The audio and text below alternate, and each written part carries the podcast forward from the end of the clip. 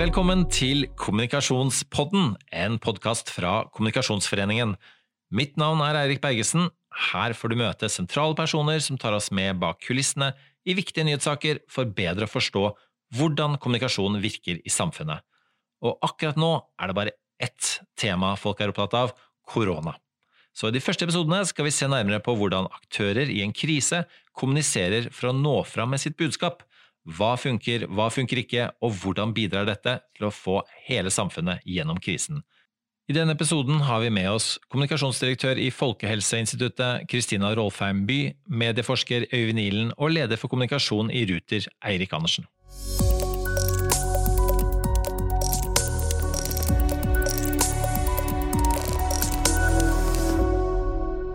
Det er nå to måneder siden Norge stengte ned de sterkeste innskrenkningene på livet vårt etter andre verdenskrig.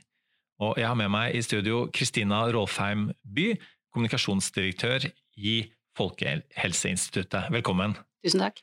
Du, det jeg lurer først og fremst på, er å få kommunikasjonsdirektøren for det hele eh, inn her i vårt studio Eh, altså Smittevernsmessig, hvordan, hvordan, ser det ut? Har vi lyktes med å betrygge deg? Ja, jeg føler meg veldig trygg og godt ivaretatt. Vi, vi, vi, sitter med en viss distanse? Ja, vi gjør det. Vi har over én meter mellom oss. Ja. Og jeg, jeg eh, forsto at eh, alt mikrofonutstyr var vasket med, med sprit før jeg kom, så jeg føler meg veldig Og det skal vi gjøre etterpå også. Vi gjør så godt vi kan. Eh, det er godt at du føler deg betrygget. Du, dette her er Du sitter med et helhetsansvar for kommunikasjonen. På, nå, nå, himler du litt med øynene her, det ser ikke lytterne. Men det er en voldsom oppgave. For, for oss vanlige nordmenn, holdt jeg på å si, så begynte dette for to måneder siden, da alt stengte ned. Men for dere så begynte det litt før. Ja, for oss så begynte det litt før. Aller først må jeg si at jeg deler jo det ansvaret med Helsedirektoratet, kanskje særlig da, eh, på helsefeltet, og, og vi samarbeider tett og godt. Eh, det begynte nok litt før for oss i Folkehelseinstituttet, ja. Det eh, begynner jo ofte med en utbruddsmelding fordi vi overvåker utbrudd i utlandet. Så jeg tror vår første nettmelding om dette utbruddet var i ca. 9. januar. Da redegjorde vi for at vi var kjent med et utbrudd av et ukjent virus i Kina. Det var vår første nettmelding. Eh, siden det så fikk vi jo mer informasjon, og dette viruset nærmet seg eh, stadig og kom til Europa. Eh, og, i den fasen av dette utbruddet så jobbet vi i Folkehelseinstituttet sånn som vi har jobbet flere ganger tidligere. Min erfaring har vært knytta til, til Zika-viruset og til ebola. Der hovedoppgaven egentlig er å overvåke et utbrudd utenfor Norge, Eh, og, å informere eh, internt i Norge, både eh, helsevesen og befolkningen, om det vi blir kjent med. Når var det du skjønte at uh, dette er ikke helt sånn som det pleier å være? Dette kommer til å være annerledes, dette kommer til å være mye større. Dette kommer til å være noe i nærheten av det vi nå ser, nemlig den, den største inngripen i nordmenns liv siden andre verdenskrig. Ja, altså Da Preben Aavitsland sa dette blir en pandemi, så skjønte vi alvoret. Fordi vi hører på Preben, han er en svært klok mann. Eh, og det er klart, da får man noe høyere skuldre. Og så er det jo eh, sånn at eh, jeg og de aller fleste i min avdeling hadde ikke gjort noe som ligner på dette før. Så vi, vi øvde oss, vi planla hva gjør vi når vi får det første smittetilfellet til Norge, f.eks. Der hadde vi noe erfaring både fra ebola og fra Zika, eh, og vi visste at da kommer interessen fra omverdenen til å være enormt stor, både nasjonalt og internasjonalt. Så der rigget vi oss og øvde og lagde planer sammen med Helsedirektoratet for hvordan vi skulle håndtere media, og, og hvordan vi skulle rapportere ut, og hvor mye kan vi si, og fortsette eh, beskytte personvernet til vedkommende, og en del sånne ting som eh, som vi forberedte oss ganske godt på, egentlig. Ja, og pandemi er jo hverdag for, for dere. Ja, ikke på dette nivået her, det er ikke hverdag i det hele tatt. Eh, før dette skjedde, så var, så var, vi blant de som visste hva en pandemi var, ja. versus, versus, de fleste andre. Men det er klart, dette er jo alt annet enn hverdagslig. Men pandemitrusselen eh, er, er, hverdag på den måten at eh, Direktoratet for samfunnssikkerhet og beredskap har, har hatt det på topp, eh, på, på, den, på trusselen overfor samfunnet. Men, men få andre har på en måte tatt inn over seg hva det vil innebære dere har, har, åpenbart det på forhånd. Dere er jo, er jo, trent på disse tingene. Men så kommer det en, en hverdag som, som, hvor allikevel virkeligheten innhenter litt treningen og, og, kanskje de strategiene og retningslinjene dere har uh, forberedt. Ja, altså det, Strategien og retningslinjene uh, tror jeg uh, for så vidt ligger i bunn fortsatt, og de har nok gjort det hele tiden, på den måten at vi har ikke måttet ta dem opp og se på dem på nytt på kommunikasjonssiden i hovedsak. Det er de samme grunnprinsippene som gjelder, som vi kjente til i forkant eh, for risikokommunikasjon. Det handler om å være åpen, det handler om å være ærlig om usikkerhet, det handler om å være eh, rede til å endre retningslinjer og planer etter hvert som man får ny kunnskap, og være åpen om det. Eh, det er grunnprinsippet vi har fulgt hele tiden. Det som har endret seg for oss, eller som kanskje har eh, som vi ikke var forberedt på, var kanskje den massive oppmerksomheten eh, i media eh, fra eh, omliggende eh, bedrifter, organisasjoner som trengte våre råd, eh, og fra befolkningen. Ehm, det, vi var ikke uforberedt på det, det er bare at vi hadde Det tar så mye kapasitet. Og vår strategi har jo hele tiden vært at vi har så gode fagfolk, det er de som skal svare for oss, det er de som svarer best, for de kan det best, og de har mest tillit. Det er de samme menneskene som skal overvåke utbruddene ute i verden, hjemme i Norge, utarbeide råd og veiledninger og svare i media, og hjelpe oss med svar i sosiale medier. Eh, og, det er x antall mennesker. Kan, vi har ikke klart å klone dem. Nei, og, og, de, og, de, personene gir du råd til, og du administrerer, og organiserer i det daglige. Og, og det du sier om dette med, med, med, usikkerhet og det å kommunisere usikkerhet, det er ikke alle kommunikasjonsfolk som, som er like bevisst på eller like flinke til. Det er ikke alle retningslinjer hvor det står. I vår kommunikasjonshverdag så er det ofte sånn at man skal være så, så sikker som, eh, som, som man bare kan uten å kanskje egentlig være det. Hvordan er det å kommunisere usikkerhet? Eh, det syns jeg er veldig fint å kunne gjøre.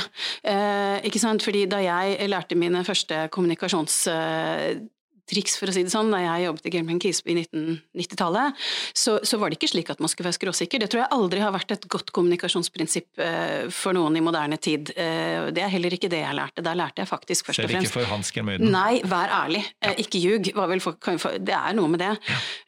Og, og, det tenker jeg står seg fint over tid. Men et annet prinsipp som jo står både i statens kommunikasjonspolitikk og, og som veldig mange fremmer, det er jo dette med enhetlig budskap. Og, og det er klart, det får seg kanskje en skudd for baugen når ny kunnskap hver uke og hver måned gjør at du endrer budskap, du endrer råd. Eh, og det har jo vi gjort nå, flere ganger, eh, etter hvert som vi har fått mer kunnskap. Det gir kanskje en trygghet og en sikkerhet i å kunne si eh, hva det er man kan svare på, hva man ikke kan svare på, og hva man rett og slett er usikker på, og hvordan man har tatt feil. For I denne fasen er det jo sånn at at eh, gårsdagens nyheter er, er dagens eh, desinformasjon? Mm, kommunikasjonsfaglig er det en enorm trygghet i å uh, kunne være ærlig. Det må jeg bare si. jeg har aldri stått i en situasjon hvor jeg har behøvd å være uærlig, men det er klart at alle er enig i Folkehelseinstituttet om at det er viktig å være redelig på hva vi vet og ikke vet, det er så viktig for å kunne kommunisere godt, og jeg tror det er positivt i lengden, selv om det er lett å skjønne at det kan virke forvirrende for mange. At vi ser ut som om vi skifter mening. Um, og det gjør vi jo. Uh, og da er jo oppgaven vår først og fremst å forklare hvorfor. Og å forberede og realitetsorientere hele tiden. Jeg uh, tenker at noe av den verste kritikken uh, jeg har sett at vi har fått, om enn ikke så veldig mye, men jeg har sett den et par ganger, og den, den, den, den svir, det er de som sier at Folkehelseinstituttet fremstår som skråsikre. Det er ikke eh, hensikten, og jeg, jeg syns det er urettferdig, eh, så kan det godt hende at enkelte talspersoner av og til har, eh, har fremstått som skråsikker, men, men, det er ikke noe vi eh, etterstreber. Men de, de talspersonene som du nevner, eh, noen av de personene som har blitt eh, både kjente og, kjære for mange nordmenn, som du jobber med, sånn som Camilla Stoltenberg, Line Wold, hva, hva er det de hvordan hvordan er det du jobber med de? For, for, prepper du de for, for, når de skal uh, ut i mediene? Nei, det er ikke nødvendig å preppe de.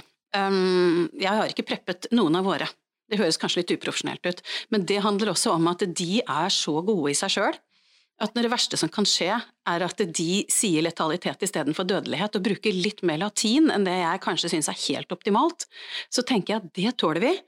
Eh, fordi jeg, jeg, jeg, har en veldig klokkertro på at eh, hvis de får være seg eh, og gjøre dette på den måten de selv er mest komfortable med, så gjør de også den beste kommunikasjonsjobben. Og så er det jo noe med at jeg eh, maser jo litt på dem. Det gjør jeg jo. For dette er jo de folka som har tusen millioner andre ting å gjøre, og som ikke har hatt en fridag siden januar. Um, sånn at uh, jeg tenker at jeg skal ha så lav terskel for dem som mulig. Så hvis de ber meg om å fremskaffe noen punkter for at de skal huske vi, alle de tingene som folk kan spørre dem om, så får de punkter for å huske. Uh, men jeg lager ikke, jeg sitter ikke og skriver taler og lange budskap, og, og, og jeg håper at det er tydelig også for de som Eh, ser og hører dem, at de, de er skei. Men, men eh, den, den, type måte, den menneskeligheten da, som, som, de fremviser, og en Espen Nakstad i Helsedirektoratet også, som mange, mange fremhever, altså, hva, hva, hvordan får man til å opptre eh, med, med, den type, type varme? Er, er, det noe Kan man trene på det? Jeg tenker eh, De opptrer jo ikke. Eh, det er vel kanskje det beste svaret jeg har på det. Jeg tror, jeg kjenner ikke Espen Nakstad like godt som jeg kjenner Line og Camilla, men, men eh, de, de, er jo seg. Eh, de er veldig ordentlige, de er veldig opptatt av å dele. Jeg tror de, de er veldig de, de, brenner for den formidlingen de selv driver med, og så har de en forståelse for viktigheten av å dele og formidle og være åpen. Så jeg tror de kjenner det helt inni seg, alle de tre, at dette er viktig for å få befolkningen til å, å forstå og, og, spille på lag i den eh, store dugnaden egentlig som vi har nå. Mm. Eh, tusen takk skal du ha, Kristina. Du er med oss videre. Men vi skal også ha med oss eh, Øyvind Ilen, som er professor ved Institutt for medier og kommunikasjon ved Universitetet i Oslo. Velkommen, Øyvind. Takk for det. Du er med oss hjemmefra. Eh, vi, eh, men du har fulgt samtalen med Kristina også. Du, er, eh, du, har rett og slett før dette vært i gang med et forskningsprosjekt om pandemi og tillit. Et nordisk prosjekt. Og så har du fått penger til å fortsette med et litt annet forskningsprosjekt med pandemi og tillit. Så vi er selvfølgelig veldig spente da, på, på hva du som forsker mener om det som nå skjer, eh, så du, kommer du til å si veldig kjapt nå at du er i datainnsamlingsfasen, og analysefasen kommer seinere. Så du kommer ikke til å felle noen dom. Men Øyvind, hva kan du si eh, så langt, eh, som har fulgt, fulgt alt dette? Også før, før det hele begynte? Eh, det er jo riktig som du sier at eh, Direktoratet for samfunnssikkerhet og beredskap de har jo lenge pekt på at pandemi det er det risikoscenario som er mest sannsynlig, og det risikoscenario som vil ha størst konsekvenser for flest mulig folk. Og Da eh, tenkte vi i utgangspunktet at det ville være spennende å se hva kan strategisk kommunikasjon hjelpe til med i den sammenhengen. Og Så sendte vi inn en søknad til Forskningsrådet Forskningsrådets Samrisk-program, og fikk tilslag eh, på dette. Så Det var et prosjekt vi starta i fjor. og Da skulle vi jo i utgangspunktet se på risikokommunikasjon. Nå er det selvfølgelig krisekommunikasjon for alle penga. Eh, og eh, det er helt vanvittig spennende for oss det som skjer. Selvfølgelig noen tragiske overtoner her som gjør at det er litt vanskelig å juble for mye. Eh, det må jeg jo si. Eh, vi er smertelig klar over at eh, dette har noen menneskelige omkostninger som man ikke skal ta for lett på. Mm. Men det, det, som gjør det spennende for dere, bortsett fra at, at, at, det er så omgripende, at det er så mye som står på, på spill, altså hva, hva, hva, hvilke faglige betraktninger er, er det du, du, gjør der? På hvilken måte endrer dette her måten vi, vi kommuniserer på i samfunnet? Nei, eh, Vi er jo først og fremst interessert i hvordan tillit og troverdighet forhandles. Altså Hvorfor skal noen tro på folkehelsemyndighetene?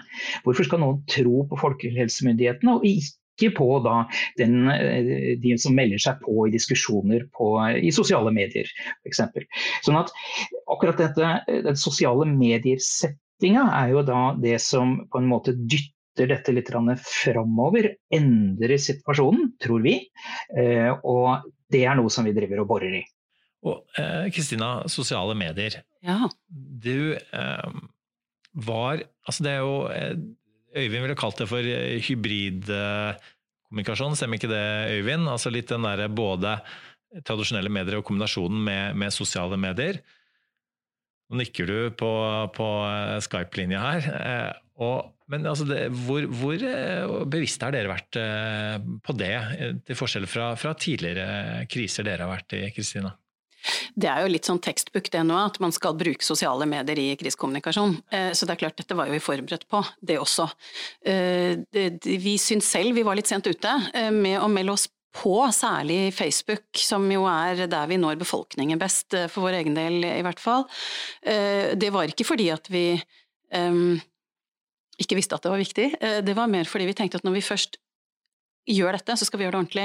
Eh, og da må vi ha folk, vi må ha kapasitet, eh, og vi må ha, være forberedt på å svare ut og kommentere på de som vil ha en Det er et dialogforum, så det, det, vi, vi, må gjøre det ordentlig.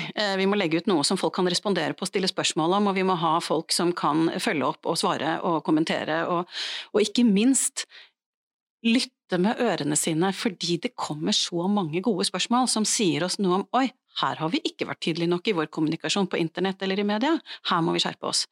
Eh, så dette er virkelig en viktig kanal for oss.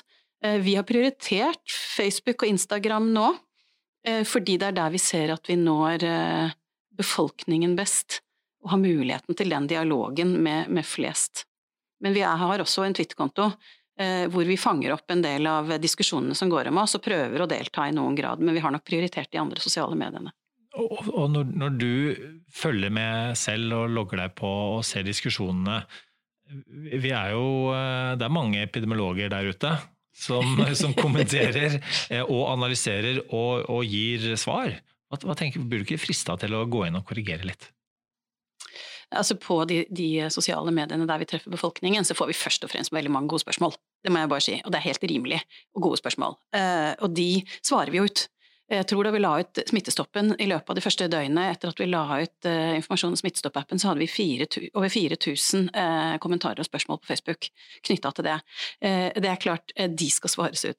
jeg tror det du egentlig spør om er kanskje Twitter-meldingene. Jeg um, se, og også der mange gode spørsmål, og fordi dette er ny kunnskap, så tenker jeg at det er helt rimelig at det er sånn. Men jeg går ikke selv inn fordi eh, jeg er eh, litt pyste.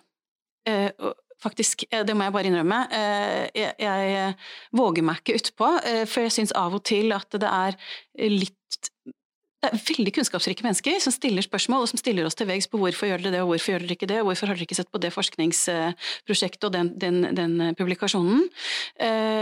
og, og, og, noen ganger så skråsikre at jeg tenker at her har de enten innmari mye å fare med, og da har ikke jeg så mye å fare med, eller så tenker jeg at det blir en diskusjon jeg uansett ikke kan vinne, fordi hensikten er ikke nysgjerrighet, hensikten er å vinne eh, for motpart. Og da eh, Jeg er ikke så god på Twitter på diskusjoner, det må jeg bare si. Jeg blir av og til litt uh, litt pysete, rett og slett. Ja. Jeg, noe, jeg, har ikke noe bedre ord for det. Og Øyvind, hva, hva tenker du om, om, den utfordringen som sosiale medier gir myndighetene? Nei, det er jo som Kristina nevner, eh, alle kan jo skjønne at 4000 kommentarer på Facebook, eh, når det skal svares ut, det krever, krever litt. Um, og det går jo i et eh, rasende tempo, ikke sant. Så dette her har vi full forståelse for er et kapasitetsspørsmål for myndighetene. Og så er jo vi som forskere veldig interessert i da hvordan det i den litt større sammenhengen også introduseres falske nyheter. Vi er interessert i hvordan da potensielt oppstår sånne små ekkokamre eh, hvor folk eh, diskuterer, eh, kanskje uten for mye input. Så det er på den negative sida. Men så er det jo også, som Kristina sier, det er noen positive sider her også. Eh, og vi er opptatt av sosiale mediers demokratiserende funksjon. Det som Kristina sier, at her kan folk stille spørsmål og kommentere. Og at myndighetene da må raffinere argumentasjonen sin, bedre eh, kommunikasjonen sin. Eh, det er jo absolutt noen av de positive sidene ved sosiale medier. Ja, er litt, rett og slett litt beroligende å høre. Både at Kristina sier at de følger nøye med sosiale medier, men de også veger seg litt for å delta i den kampen om å vinne debatten. Ja, eh, Vi skal jo bore mer i dette eh, og analysere hvordan dette gjøres eh, og hvilke utslag det gir. Og så sette det inn i en sånn mer teoretisk ramme hvor vi diskuterer er det bra, er det dårlig og den type. Jeg må bare si, Når du spør meg om Twitter, så snakker jo jeg om meg selv eh, også, personlig. Og jeg ser jo at vi har jo flere medarbeidere på Folkehelseinstituttet som, eh, som, mer enn villig deltar i de debattene på Twitter. Det setter jeg stor pris på. Så det, eh, det er ikke noe policy fra Folkehelseinstituttet på å være pyste, det er min personlige tilnærming eh, i, i, en litt sånn pressa tid. Mm. Kan jeg fylle på med en kommentar, Erik? Eh, det som, det som, er oss, eller Et annet aspekt da, ved sosiale medier som er veldig interessant, er at når disse debattene går, så er det jo ikke bare slik at det er eh, folkehelsemyndighetene mot røkla. Eh, det er folk som da kommer inn og går i rette med kritikere av myndighetene f.eks. Sånn at dette her er jo eh, en dialog som er helt ute av hendene på myndighetene. Dette har vi erfaring med fra vaksinedebatt særlig på Facebook, og, og, og, det er jo der vi har mest erfaring med, med hvordan eh, kommentarfeltet på, under en post på Facebook kan, kan leve i, i, uker og måneder, faktisk, eh, helt uavhengig av vår egen deltakelse, men under en av våre poster, for der har du lett og slett lite, en liten hær på begge sider av den debatten som, som eh, driver og kaster på hverandre. Hvor vi bare må sørge for at de holder seg noenlunde anstendige i tonen. Mm. Og, og, som smittevernsmyndigheter som jobber med folkehelse hele tiden, så, så, er jo dere vant til å nå ut til den brede, brede offentligheten og også bli, bli, lyttet til, er det ikke det? Jo, vi har jo hatt en takknemlig eh, jobb der. Veldig ofte, særlig på smittevernfeltet, så er det jo slik at uh, de rådene vi kommer med, er, er ønsket. Men, men, tidligere har dere jo gitt, uh, gitt, råd, og dere har kommet med, med veiledninger. Men denne krisen har presentert eh, noen nye utfordringer. Altså, hva, hva, er det dere har måttet endre på denne gangen, i motsetning til, til tidligere? Så folk, folk er, Det holder ikke lenger bare å kommunisere. Folk vil rett og slett uh, ha, ha, regler for hva de kan ja. gjøre og ikke gjøre. Ja, og det har jo overrasket meg litt. fordi at når jeg leste teori om risikokommunikasjon, og det gjorde jeg fordi jeg var en del av et par forskningsprosjekter rett i forkant av dette, så jeg var forholdsvis nyopplest på WHO sin kunnskapsoppsummering om, om, eh, av, av, risikokommunikasjonsforskning i verden. Um, og en av uh, hovedpunktene der er jo at man skal Funnene som, som går igjen i mange studier, er at befolkningen ønsker en åpenhet om usikkerhet og en åpenhet om risiko, for at de selv skal kunne være med å ta beslutninger. Jeg tror Sandman er den forskeren som har sagt det tydelig. Skal folk bli sinte hvis ikke de får lov til å delta i beslutningsprosessen rundt sin egen risikohåndtering? Um, og så sitter vi her i Norge nå, et land som jeg jo um, tenker på som et land fullt av individualister og, og, og folk som liker, liker, sin egen frihet til, til, å ta beslutninger i sitt eget liv, eh, og opplever at det er et stort press på oss og på de besluttende myndighetene om å rett og slett å bestemme og fortelle folk hva de skal gjøre. Og det sier meg jo noe både om alvorligheten i situasjonen, eh, om engstelsen i befolkningen, men, men, det overrasket meg litt grann også som kulturelt trekk eh, for nordmenn, og særlig hvis man da ser på at de i Sverige som er det folkeslaget man eh, kanskje litt eh, enkelt eh, sagt eh, i større grad enn nordmenn gjerne følger en regel når de får den. Um, altså forventes å få råd og følge dem. Uh, jeg syns det er spennende å se på de to uh, ved siden av hverandre, og, og jeg er spent på, på hvordan vi ser på det når vi ser tilbake på det hele. Mm. Øyvind, du er fortsatt i datainnsamlingsfasen, enda ikke inn i analysefasen, men vi skal tvinge frem en liten uh, lite pekepinn hos deg også, da. Har du lagt merke til det samme? Ja, dette er kjempespennende. og Jeg har også lagt merke til at eh, danskene jo eh, også har en dialog eller en diskusjon gående med svenskene om akkurat dette.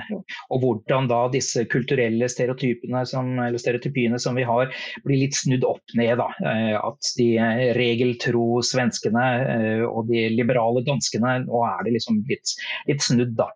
Eh, og dette skal vi også da se nærmere på, selvfølgelig.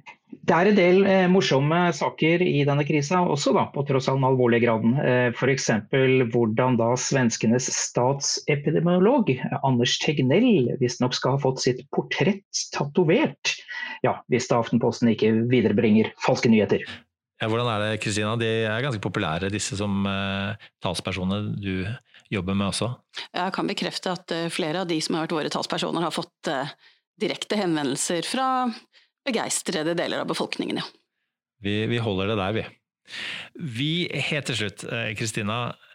Vi har Vi har stengt ned i to måneder. Nå åpnes ting opp. Regler har gått over til veiledning man er overlatt til seg selv eh, i større grad. Jeg, er det litt sånn som jeg føler meg når jeg skal sende tenåringene mine tilbake til eh, skole nå, og mister litt sånn kontroll og oversikten på dem? Er det, er litt sånn du, du kjenner det nå når eh, nordmenn er overlatt til seg selv?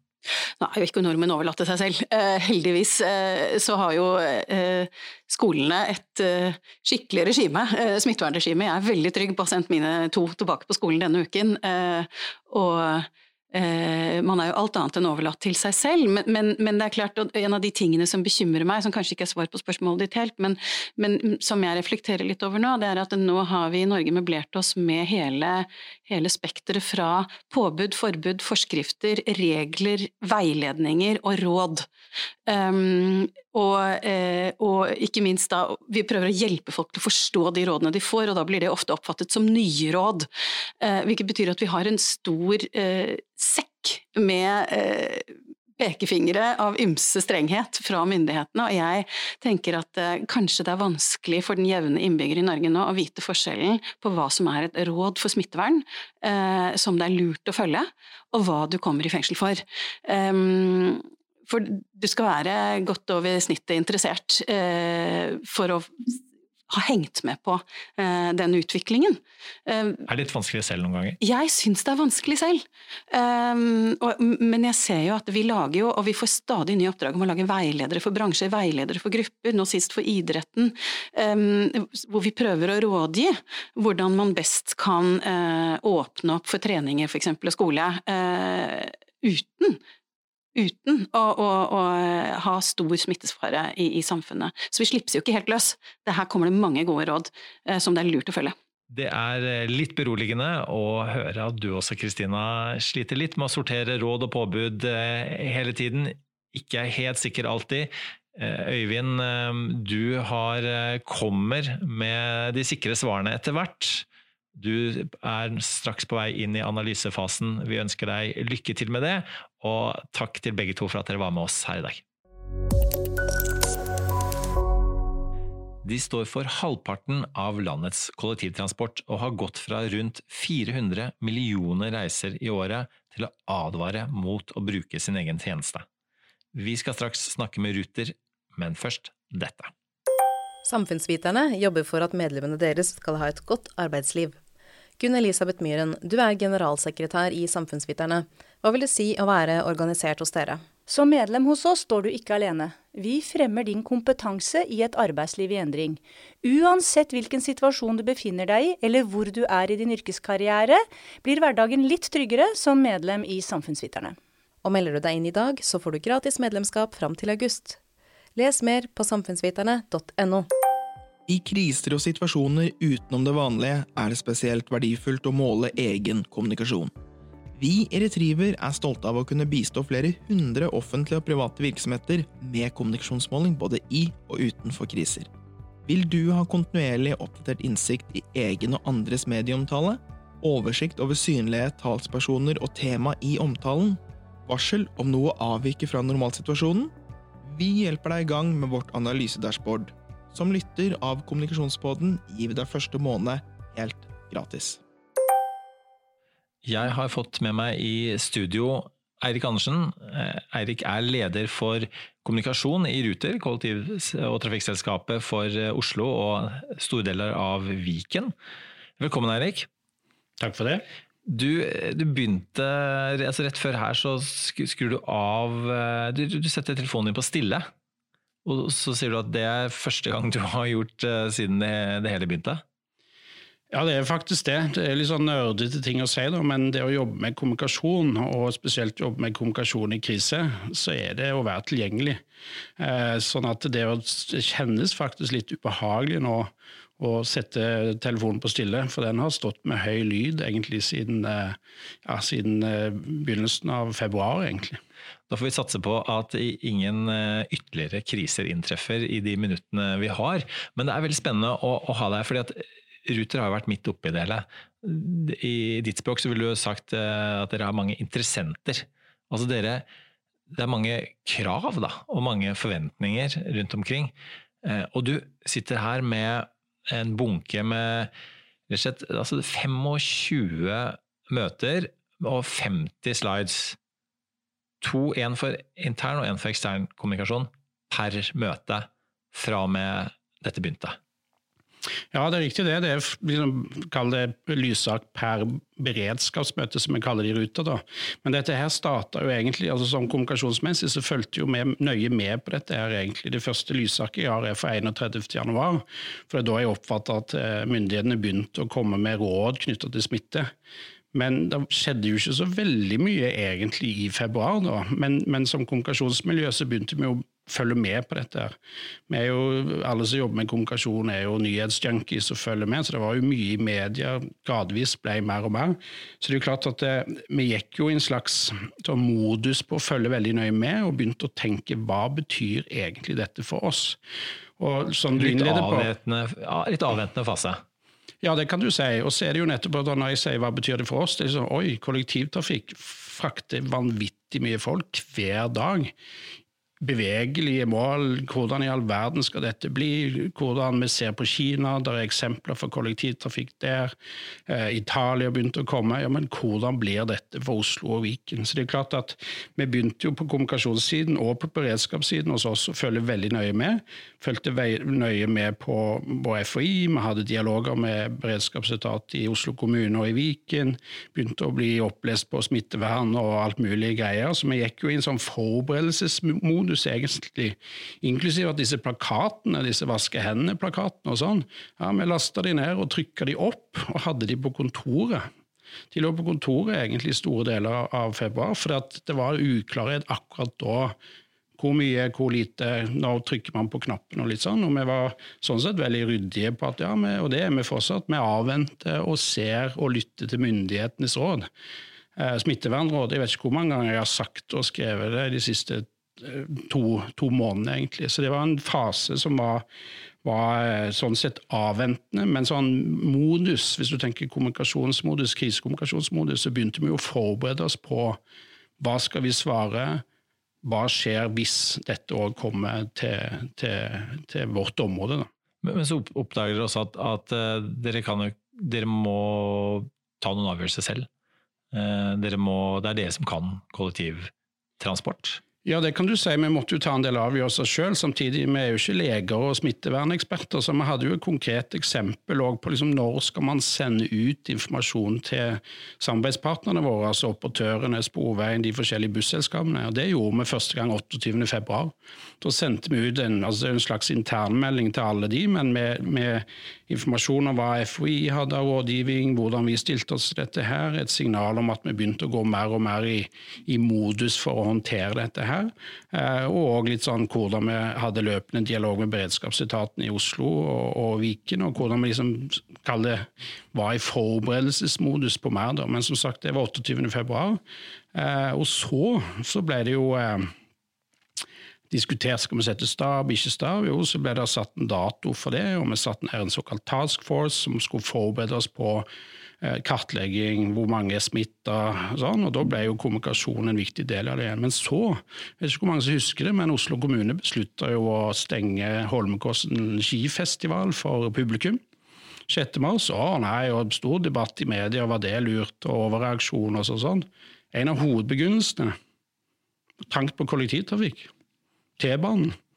Fulle folk opp og ned, eller edru folk for den saks skyld, men i, oppi det. Og da ble det jo enda tydeligere at en av begrunnelsene å kalle frykten eller det som kunne bli vanskelig, ja, det kunne jo være kollektivtrafikk. Så det var jo første sånn ordentlig at det begynte å dra seg til det. Kunne vært e episenteret for smitten fra hele landet? Det kan du si at risikoen for smittespredning vil være vesentlig ved fulle T-baner. Det var et av talepunktene som Oslo kommune hadde. og det er jo klart For oss da vi var allerede begynt å komme i godt sånn eh, beredskapsmodus da. Og, og, sånn sett, for Hvis dere så husker dato og litt sånn som det, så begynte det å rulle ordentlig på den uka med Danmark eh, som kom med sine tydelige budskap. Eh, vi hadde vårt første beredskapsmøte da ordentlig 11. mars, eh, hvor vi begynte å se på ting vi måtte gjøre. Eh, og så smalt jo ordentlig selvfølgelig fra, fra 12. 12. mars, da når regjeringen hadde sin eh, pressekonferanse. Og, og, og, det er jo ikke sånn at dere ikke har eh, øvd på disse tingene her. Altså Dere har jo eh, Eh, altså det, det, det, skjer jo en del kriser eh, løpende i løpet av en uke i Ruter? Ja, sånn sett Som en sånn kollektivtrafikkaktør så er det jo NM i samordning og NM i håndtering av utrolig mange situasjoner. Busser, trikker, T-baner, samarbeid med Sporveien og de andre bussoperatørene på alt mulig ting som kan skje. da. Så På en måte så er vi ganske trent i situasjoner. Vi hadde jo trent òg på beredskapssituasjoner. Men det er jo klart at denne situasjonen oppsto, så, så måtte vi jo forholde oss litt annerledes til det enn alt annet. Men det noe av de første tingene vi gjorde, og som vi så, det var jo at vi må jo, vi må jo En sånn klassiker innenfor krisekommunikasjon. Men vi kan jo si et eller annet fornuftig om dette.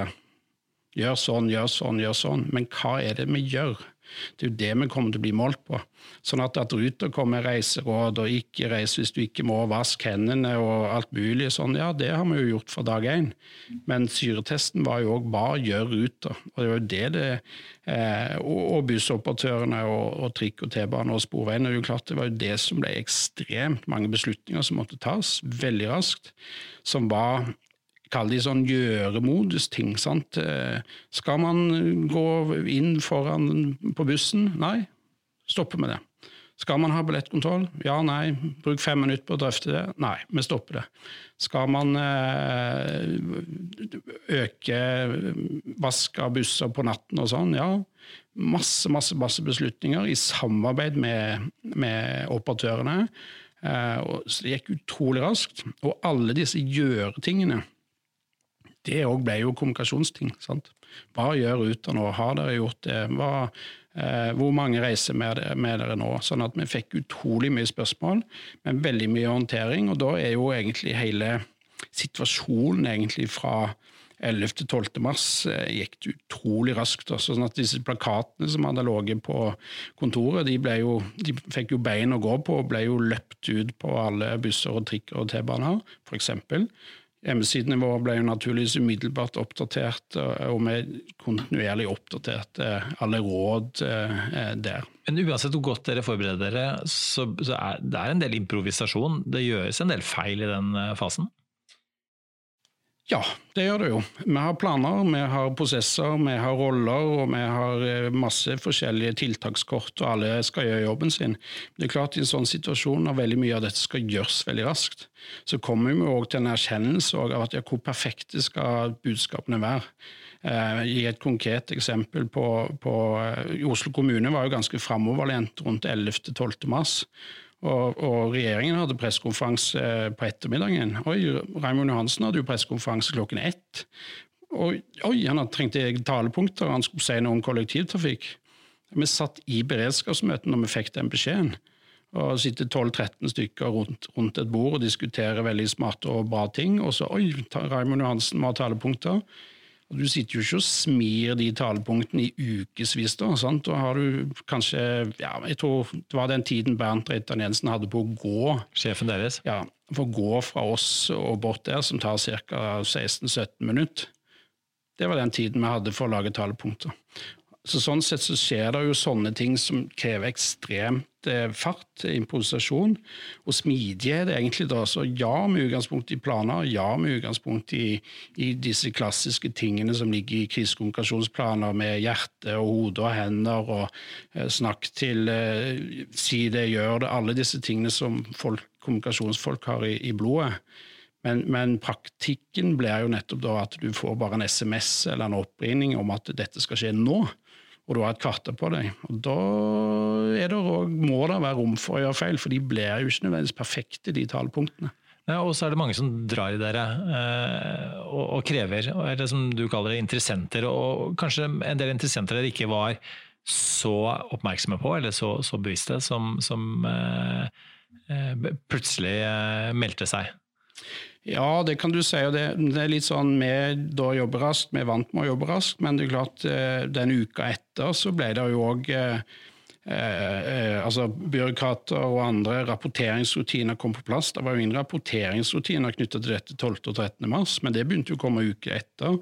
Det ble rutiner for det, tidsfrister på det. Jeg har spøkefullt sagt internt et par ganger at det var jo travlere å holde, og det ble mer puls på å rekke de fristene der enn å svare ut VG og Dagbladet. Men det var altså en måte å si det på at det ble veldig mange interessenter, og, som, og, og alle skal håper jeg, få sitt det er ikke sånn at bare VG, Dagbladet, Aftenposten, NRK skal få sitt. Vi må, når vi jobber med krisekommunikasjon, òg prioritere høyt alle interessenter.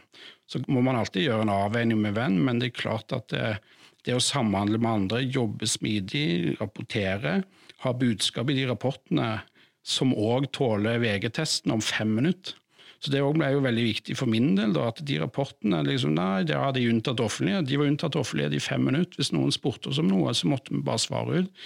Så Sånn sett så jobbet vi jo ekstremt raskt òg med denne budskapsutviklingen eh, og faktaene knytta til det vi holdt på med. da. Og, og, og, dere har eh, i tillegg eh, politi, veivesen, kommune, skoler, Handikapforbundet. Eh, alle lurer på, på, hvordan dere vil møte denne krisen? Ja da, og det, det, er jo det som jeg, vi er vant med å jobbe med de før, fra før av, men ikke så raskt nødvendigvis. Men det er jo veldig greit når du skal jobbe raskt og kjenne folk fra før. Hvem du skal ringe til, hvordan du skal ta kontakt med dem. Så det vil jeg påstå fungerte veldig bra egentlig med samarbeid med mange vi hadde med samarbeid med før. Type eksempel på noe vi kaller for partner-operatørforum. Møte en gang i kvartalet ja, plutselig så var det møte en gang i uka, eller i begynnelsen så var det møte hver dag for å holde alle på samme side. Så Sånn sett så, så er det jo å bruke de etablerte samarbeidsrelasjonene. Du kan ikke begynne med interessentanalyse når krisen har truffet. Det må du ha gjort på forhånd. Og, og interessentanalyse er ikke bare å putte på sånn Oslo kommune, og så check, så har du gjort eh, interessentanalysen. Du må ha Per, Pål og Askeladden i Oslo kommune, og mobilnummeret deres og e-posten deres. Du må kjenne disse folkene for å fungere i krise. Og så er, det, så, er et, så er det et AS også, oppdager dere, midt oppi det hele? Det kan jo gå konk? Ja, altså vi oppdaget det ikke, men andre oppdaget det. Og da var det jo som oss som alle andre samfunnsområder. Det var det, Oi, vi tapte ja, 380 millioner kroner i måneden ca. At alle kundene var jo på hjemmekontor. Eh, så Sånn sett så, så ble jo det plutselig en opp oppgave, egentlig kalle det det, sånn krisekommunikasjonsmessig, det var jo å sikre et kapitalbehov til kollektivtrafikken. sånn at det... Å lobbe penger gjør man på en helt annen måte i en pandemi enn ellers? Ja, det kan du gjerne si, for det går jo vanvittig mye raskere. Jeg hadde veldig tett samarbeid med Kollektivtrafikkforeningen, NHO Transport, mange aktører som jobba bra, men det var jo egentlig en helg, da. Så det ble snakka sammen både brev, talepunkter, veldig mange som samarbeida. Som ellers ville tatt et år, kanskje? Ja, kanskje det, eller gjerne enda lenger. Sånn at det, det ble jobba veldig raskt, men òg veldig bra, det med høy kvalitet.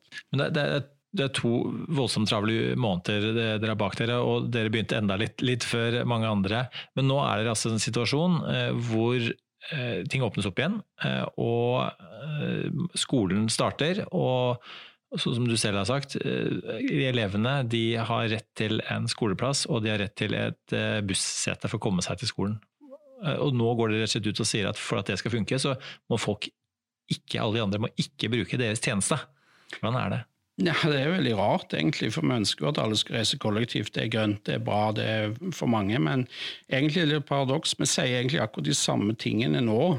Ikke reis kollektivt hvis du ikke må vise hensyn. Alle disse tingene vi sa 12. mars, det er det samme vi sier nå. For dette er en situasjon som sannsynligvis skal vedvare veldig lenge. Og det er jo òg krevende sånn kommunikasjonsmessig. Hvordan skal du si det samme tingen på ulike måter i over to måneder, og kanskje vi skal si det i seks måneder til. Så det å eksemplifisere og underbygge og, og ha nye vrider, men gjenta, gjenta, gjenta. Tydelige budskap fra myndighetene, men òg fra oss, har vært ekstremt krevende. Så det er veldig mye retorikk som egentlig går igjen og går igjen. da. Tusen takk for at du var med oss, Eirik, og tok oss med på en liten reise gjennom krisen dette har vært for en viktig del av Norge. og også som ikke helt er en reise som ikke er helt over, og gir en pekepinn om hvordan man skal tenke fremover når det gjelder kommunikasjon. Takk skal du ha. Dette var første episode av Kommunikasjonspodden. Mitt navn er Eirik Bergesen. I redaksjonen har jeg hatt med meg Mari Mellum og Malin Sundby Revå. Tekniker er Tom Daniel Laugerud, og podkasten er laget med støtte fra Fritt Ord. Vi høres igjen neste uke. Du har hørt en podkast fra Kommunikasjonsforeningen. Les mer om oss på kommunikasjon.no.